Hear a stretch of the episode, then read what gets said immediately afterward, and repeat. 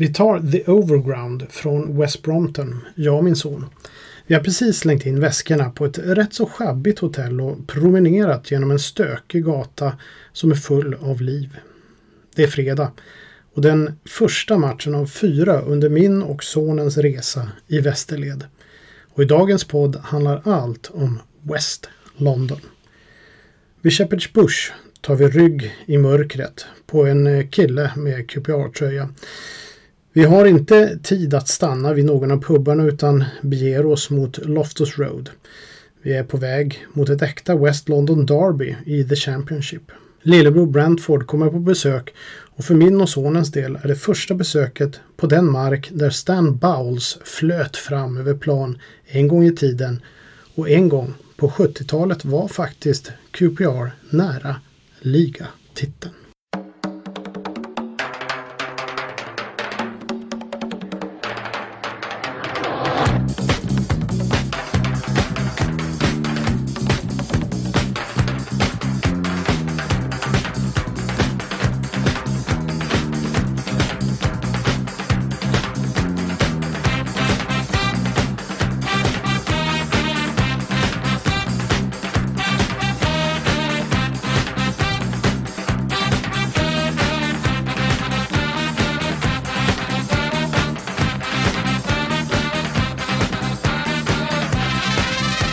Ja, då är man tillbaka i verkligheten. Sitter nu i inspelningsstudion slash tvättstugan. Fullt med tvätt här så det är jättebra ljuddämpning. Eh, och har precis lagat mat och ska sätta på ett långkok. Men innan dess så tänkte jag faktiskt eh, genomföra en poddinspelning nummer 36. Och jag kan väl förvarna er om att jag kommer att eh, kanske terrorisera er med lite extra poddinspelningar de kommande helgen och även kanske slutet på nästa vecka. Därför att jag har ju varit på den här fotbollsresan och eh, man kan ju tycka då att en som är så intresserad av fotboll som jag alltid kan åka på fotbollsresor men det är ju inte så utan är man pappa till tre barn och ska försöka leva ett familjeliv och utföra lite jobb och så så hinner man ju inte alltid det. Så att jag och sonen brukar åtminstone komma iväg en till två gånger per år i alla fall.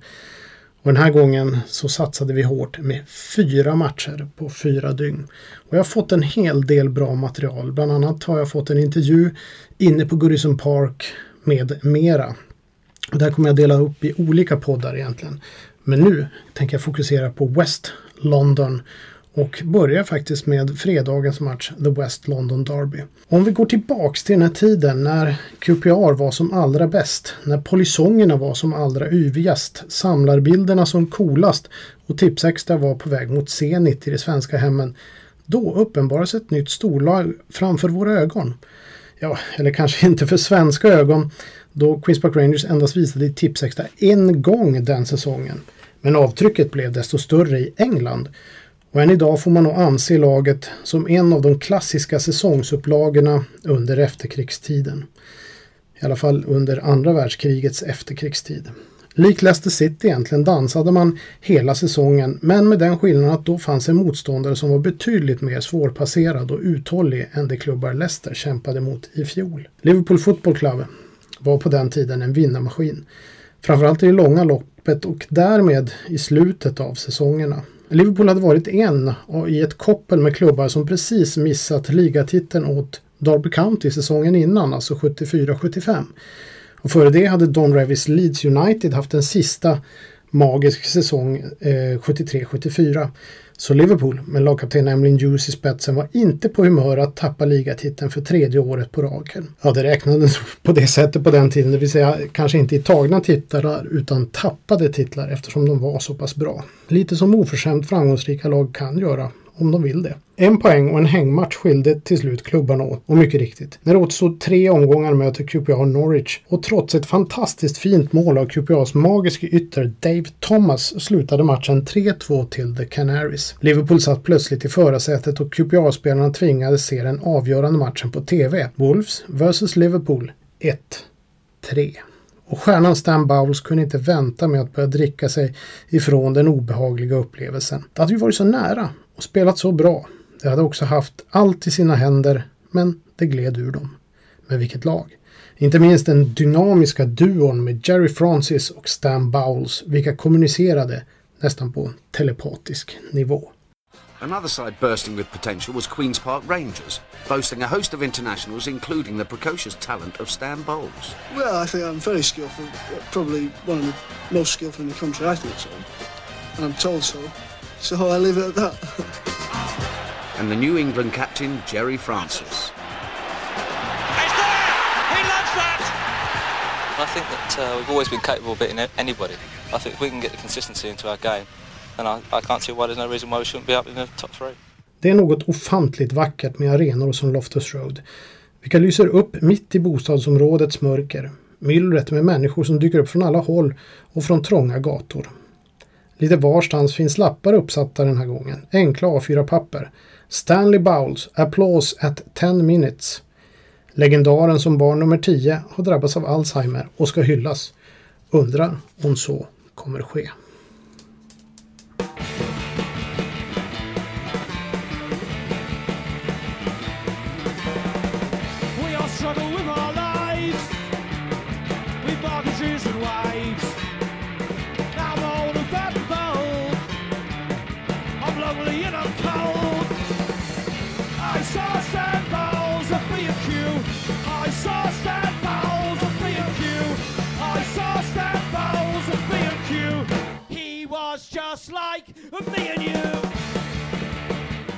Under 70-talet hård tacklande och ofta spelförstörande fotbollsklimat fanns det ju inte så stort utrymme för den gröna fältets magiker.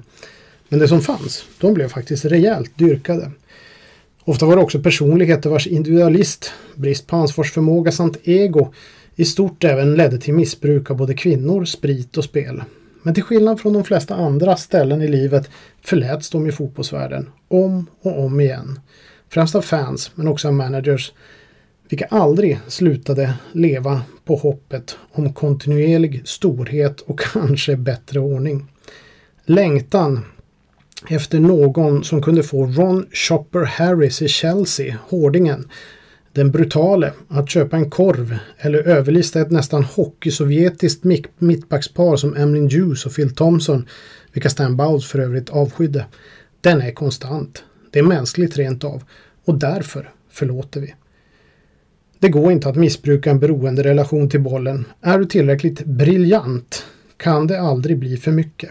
Därför förlåter vi och därför fanns en plats för dessa personligheter inom fotbollen.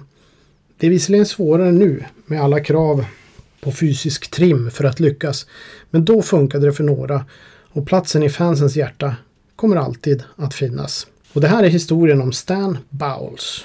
Den finns också i skriven form faktiskt eh, 2015 på Old School Football. Men nu är det dags att ta den även här på podden. Han var en av dessa fotbollsmagiker som egentligen aldrig tycktes passa in i normen. Vilket var uppenbart redan eh, från tonåren i Manchester City. Lärlingstiden i City just präglades av Bowles heta temperament och motvilja till auktoriteter. Tonåringens förmåga var det ju ingen som betvivlade men det var också svårt att slå sig in i ett så fantastiskt lag med spelare som Francis Lee, Colin Bell, Mike Summerby med flera. Citys mest framgångsrika lag genom tiderna bortsett då från dagens penningstinna gäng. Mellan 1967 och 70 blev det endast 17 matcher för unge Bowles som dessutom gjordes omöjlig med Citys berömda tränarduo Joe Mercer och Malcolm Allison. Parallellt med fotbollen utvecklade Bowles dessutom sitt spelintresse. Redan som 15-åring körde han en egen vadslagningsverksamhet för ett brottssyndikat i Manchester som gick under namnet The Quality Street Gang och höll på med vadslagning, rån och var väl allmänt våldsamma. Problemet var bara att Bowles spenderade alla sina pengar på att själv spela på hästar. Allison och Mercer visste mycket väl vad Bowles höll på med utanför plan och gillade det ju inte alls. Bowles fick därmed få chanser att visa vad han kunde på plan. Efter en sejour, väldigt kort, i Bury fann han en beskyddare i Crew som då låg i fjärde divisionen i form av managern Ernie Tagg som försökte hantera Bowles spelande genom att ge lönen direkt till hans fru. Tagg sa en gång If Stan could pass a betting shop like he can pass a football, he would be alright men Bowles blev rastlös och ville bort från Crew. Han var 21 år och hamnade därefter i Carlisle i andra divisionen där det blev 13 mål på 36 matcher innan Queens Park Rangers köpte honom för 112 000 pund i september 1972. En ganska ansenlig summa. Stan Bowles tvekade aldrig att ta över Loftus Roads store hjälte Rodney Marsh tröja nummer 10. Faktum är att Bowles inte hade så mycket till över för Marsh, vilket i och för sig inte var och är något ovanligt. Bowles har alltid varit frikostig med att såga folk lite till höger och vänster. Två spelare har han dock stor respekt för. I början av hans tid i QPR spelade han ihop med rutinerade Terry Venables, vilket enligt Bowles själv är den bästa samarbetet han har varit del av och dessutom den spelare han respekterar mest. Därefter var det Jerry Francis, QPRs store stjärna under den gyllene perioden i mitten av 70-talet. Bowles och Francis fick tyvärr aldrig göra en landskamp ihop, men i QPR framställde det magi. Baus landslagskarriär är dessutom inget att hänga i julgran. Efter att ha blivit utbytt i en match mot Nordirland, en av sina få landskamper, bad Bauls landslagsledningen att stoppa upp nästa match mot Skottland någonstans där det är väldigt mörkt och trångt. Och så drog han direkt från hotellet dagen efter. Rumskompisen och legendaren Mick Shannon menar att så här gör man ju inte när man spelar för England. Det triggade dock bara Bowles. Och Bowles gjorde också bort sig med sin något arroganta humor på en landslagssamling där de diskuterade ersättningsnivåer för landslaget landslagsspelarna. Nytillträdde förbundskapten Don Revy hade lyckats få till en ökning av ersättningarna, något som inte gillades av alla. Lagkaptenen Emlyn Hughes ställde sig upp och höll tal om att spela med The Three Lions var en ära och inte bara handlade om pengar, varpå Bowles replikerade rakt ut i rummet If you don't want the money, I'll have yours. Och enligt Bowles själv så talade inte någon med honom på tre dagar efter det. Och det blev bara fem landskamper för England. I QPR var han dock på väg att bli en legendar. Det blev 315 ligamatcher under perioden 1972 till 1979 och han var i allra högsta grad delaktig i det lag som leddes av Dave Sexton och nästan vann ligan 1975-76. I Sunderland är han dock inte välkommen, det ska man i alla fall konstatera, som 1973 faktiskt var regerande FA-cupmästare och visade stolt upp pokalen i samband med en hemmamatch mot QPR. Då antog Bowles ett vad med lagkaptenen Tony Hazel att det skulle försöka skjuta ner bucklan, vilket det också gjorde. En gång var, enligt vad de själva har eh, sagt. Det blev dessutom en buckla i bucklan. Fansen blev fullkomligt galna och det ska ha varit upplopp efteråt. Tusentals fans stormade planen i jakt på Bowles som skyndsamt tog sig in i spelargången. QPR vann matchen med 3-0. Bowles gjorde två målen och stämningen efteråt var minst lika hotfull såväl utanför arenan som ända in och utanför hotellet. Bästa kompisen i QPR var dock en viss Don Shanks, eller som Bowles konstaterade Sexton signed Don Shanks from Luton to keep me happy. He was my best mate and a bigger gambler than me. Shanks spelade flera år i QPR, men under säsongen 75-76, den framgångsrika, hade han dock knappt någon roll alls. Inte på plan i alla fall. Tillsammans med Bowles hittade han å andra sidan på en massa saker utanför. Bland annat blev det oerhört involverad i en verksamhet med en bookmaker som gick under namnet Översten. På fredagskvällar, notera nu att de hade match på lördag, spelade de kort med Översten och förlorade hela tiden. De insåg att Översten hade något fuffens för sig, men då gick de till motas takt genom att hitta en egen strategi i form av ett egenhändigt komponerat kortfusk som också lyckades enligt dem själva i alla fall. Don Shanks är också känd för att ha haft en flickvän vid namn Mary Ann-Katrin Stevin från Örebro. Men som blev berömd som Mary Stavin och var bland annat Bondbrud i Octopussy såväl som i A View to a Kill. Hon har också spelat in en låt med George Best som heter Shape Up and Dance. Best och Bowles blev för övrigt kompisar, vilket kanske inte är så märkligt. Däremot så påstår Bowles att han aldrig tagit mutor. I alla fall enligt egen utsago. Förutom en gång. I en nationell five-a-side-turnering med QPR fick han ett erbjudande av en gammal kompis till lika Orient-supporter. Om QPR såg till att förlora finalen mot Orient skulle Bowles få 1000 pund. En bra deal då segerpremien var på 200 pund. Bowles gjorde visserligen ett mål men QPR förlorade med 1-6. Efteråt påpekade spelarmanagern Jerry Francis att Bowles så, såg lite trött ut i andra halvlek. Allt gott har dock ett slut, eller gott slut kanske inte blir någon god efterföljning. Men slutet i QPR kom och Brian Clough i framgångsrika Nottingham Forest köpte Bowles 1979, vilket då i sig skulle utveckla sig till en katastrof. De kom inte alls överens. Och det blev bara 19 matcher för Bowles innan han såldes vidare till Orient.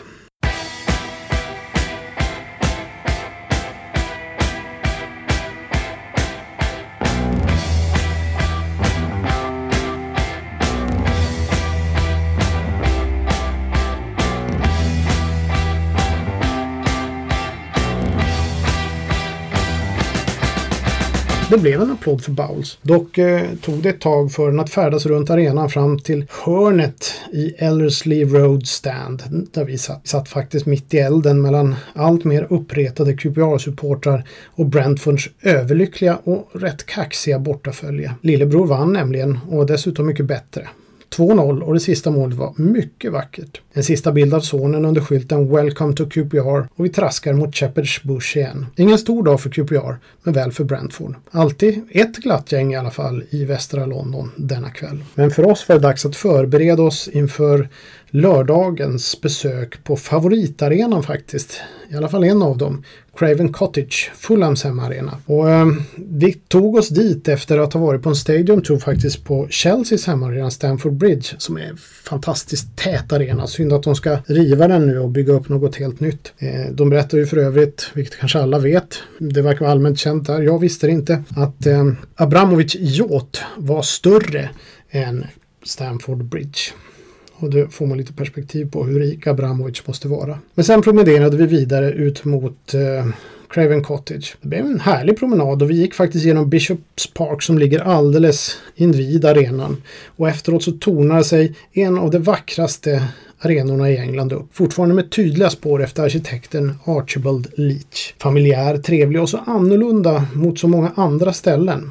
Den ligger alldeles invid Themsen. I halvtid så kan man stå alldeles vid Themsen och titta ut på andra sidan. Där för övrigt eh, svenskområdet Barns ligger. Motståndare den här eh, eftermiddagen var dock topplaget Harris, Huddersfield från norra England. En klubb som Herbert Chapman gjorde till en, ett storlag på 20-talet faktiskt. Ett av de första storlagen tillsammans med Aston Villa som var lite tidigare. Och som Bill Shankly också tränade när han gick till Liverpool. Men hur trevligt Craven Cottage ändå är så har Fulham Football Club alltid varit något av en gåta.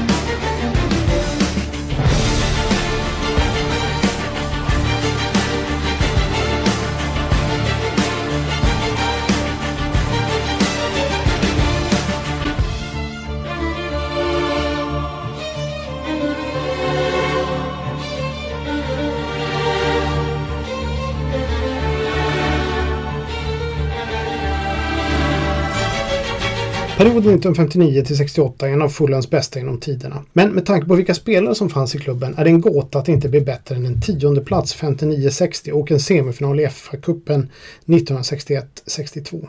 Bobby Robson betraktade alltid Fulham som en trevlig och social klubb, men inte en klubb som kunde utmana för att ta hem mästerskap. Robson gjorde sin seniordebut i Fulham, men efter att The Cottagers åkte ur högsta divisionen skrev han på på West Bromwich Albion och dess dåvarande manager Vic Buckingham för ett transferrekord på 25 000 pund. Tack vare oenighet med VBAs ledning avseende lön återvände dock Robson till Fulham 1962 med dubblerad lön. Han blev kvar till 1967 och lämnade med viss bitterhet med tanke på att det var en av de bästa åren i hans karriär och han vann ingenting. Faktum var att strax efter Robson anlänt till Fulham så sålde Rodney Marsh och Alan Mallory. Robson skulle göra 20 landskamper för England och därefter inleda en karriär som manager, vilket slår de flesta. Det här är en av flera bra spelare som Fulham har haft. Ofta så har de på något sätt spelat samtidigt eller de har tangerat varandra. En annan var Alan Mallory. Ännu en produkt av det sena 50 och tidiga 60-talets Fulham. Snabb och tuff mittfältare som sedan skulle göra stor succé i Tottenham Hotspur. Totalt sett blev 35 landskamper för England och precis innan han skulle få sin 200 match för Fulham lämnade han för Spurs. Mallory vikarierade även som lagkapten för en viss Haynes under en kort period i Fulham. Jag återkommer till honom. Roddy Marsh, en annan, fostrades i Fulham eh, som vi också berättade om har eh, spelat i Queens Park Rangers och Manchester City faktiskt. Men han fostrades till Fulham och skulle främst under andra halvan 60-talet och början av 70-talet bli en av de allra främsta eleganterna i engelsk fotboll. En legendar i Queens Park Rangers och även hyfsad i Manchester City. Det blev nio landskamper för England. Han debuterade faktiskt redan i mars 1963 med att ersätta ingen mindre än Johnny Haynes som fått en skada och tvingats utgå. March satte vinstmålet på volley efter ett inlägg av George Cohen. Haynes var tillbaka redan i nästa vecka. Men Marsh fick byta nummer 10 mot tröja nummer 8 istället. I september kolliderade dock Marsh med Leicesters John Schaberg och blev borta i 10 månader med bruten käke. Han förlorade dessutom hörseln på vänster öra. Länge var han helt utan balans och man trodde att han aldrig mer skulle kunna spela fotboll igen. Men det gjorde han och då han var tillbaka säsongen 1964-65 och bildades an anfallsduo med Johnny Haynes. Men den nya managern eh, Vic Buckingham och Ma Marsh var dock en dålig kombination. Buckingham förlöjligades av Marsh som i sin tur blev utfrusen och Fulham-karriären var över innan den egentligen tog fart. Graham Leggett, en annan eh, stor spelare under den här perioden, hade tills inte allt för länge sedan rekordet snabbast hattrick i engelska ligan när han den 26 december 1963 gjorde tre mål på Ipswich Town i en match som slutade 10-1 till Fulham. Han hade redan vunnit ligan med Aberdeen och visade sig vara en extremt målfarlig högerytter som bildade radarpar med Johnny Haynes. Det blev 127 mål på 254 matcher, dessutom 18 landskamper för Skottland. Och så har vi George Cohen som faktiskt står staty inne på Craven Cottage. Det var högerbacken som spelade hela sin karriär i Fulham. En av stöttepelarna i Francis England som vann VM 1966. Faktum var att han kom med i världslaget. En modern ytterback som passade väl in i det England som spelade utan yttrar. Med sina snabba löpningar och smarta inlägg. Coens karriär i Fulham spände från 1956 till 1969. Det blev också 37 landskamper för England. Sen var det den där Johnny Haynes. Pelé ska en gång ha sagt att Haynes var best passer of the ball I've ever seen. Han var Fulham trogen mellan 1952 till 1970 gjorde 56 landskamper för England. Många av dem som kapten. Kanske ansedd som en av de främsta fotbollsspelare som skådats i London med omnejd. När lönetaket, då 20 pund i veckan, släpptes 1961 blev han också den första spelaren att få 100 pund i veckan. Han var också känd som ansiktet utåt för brylkräm. På Craven Cottage döpte man 2005 om det av Archibald Leach ritade Stevenage Road Stand till Johnny Haynes Stand och 2008 restes en staty utanför arenan. Johnny Haynes gjorde 658 matcher för Fulham och trots sin kapacitet tillbringade han många år utanför den högsta divisionen. Om det inte vore för en bilolycka 1962 så hade nog Haynes varit med i VM 66, kanske som lagkapten. Han hävdade själv att han kom tillbaka i full styrka, men Alf Ramsey tog inte ut honom. Legendaren Johnny Haynes dog sedan i sviterna efter ännu en bilolycka 2005. Och så här skulle man kunna fortsätta då det finns fler landslagsmän och begåvningar från just denna period. Lägg där till att klubben hade ett fantastiskt publikstöd som inte alls stod i proportion till uteblivna framgångar. Dessutom hade Fulham Vic Buckingham som manager mellan 1965 och 68. En manager som kanske blev mest känd i England för spelskandalen i Sheffield Wednesday som inträffade under hans tid. Faktum är dock att Buckingham var en pionjär utanför de engelska öarna och med och utvecklade totalfotbollen i Ajax men han är även med att träna Barcelona, Sevilla och Olympiakos för att nämna några. Tänk om Buckinghams idéer fått avtryck bland de begåvade lirarna i Fulham. Tänk om. Men England och Fulham var inte redo och Buckingham inte mogen uppgiften. Vi satt så långt ut på långsidan det bara gick på Craven Cottage. Ganska nära Fulham-fansens kortsida. Eller till och med väldigt nära. Huddersfield hade fått med sig en stor och hörbar kontingent, men ack vad det skulle bli besvikna. Fulham körde över Huddersfield med 5-0. Knappt Fulham-fansen själva trodde det var sant. Det var en magisk tillställning. Men efteråt var det bråttom då jag och sonen skulle till Houston Station för vidare färd mot Merseyside och ett besök på Goodison Park, vilket jag kommer återkomma till, inte bara en gång, utan kanske i två poddar. Dessutom ett besök i Stoke. Men nu, Old School Fotboll i väntan på lördag. Skål på er!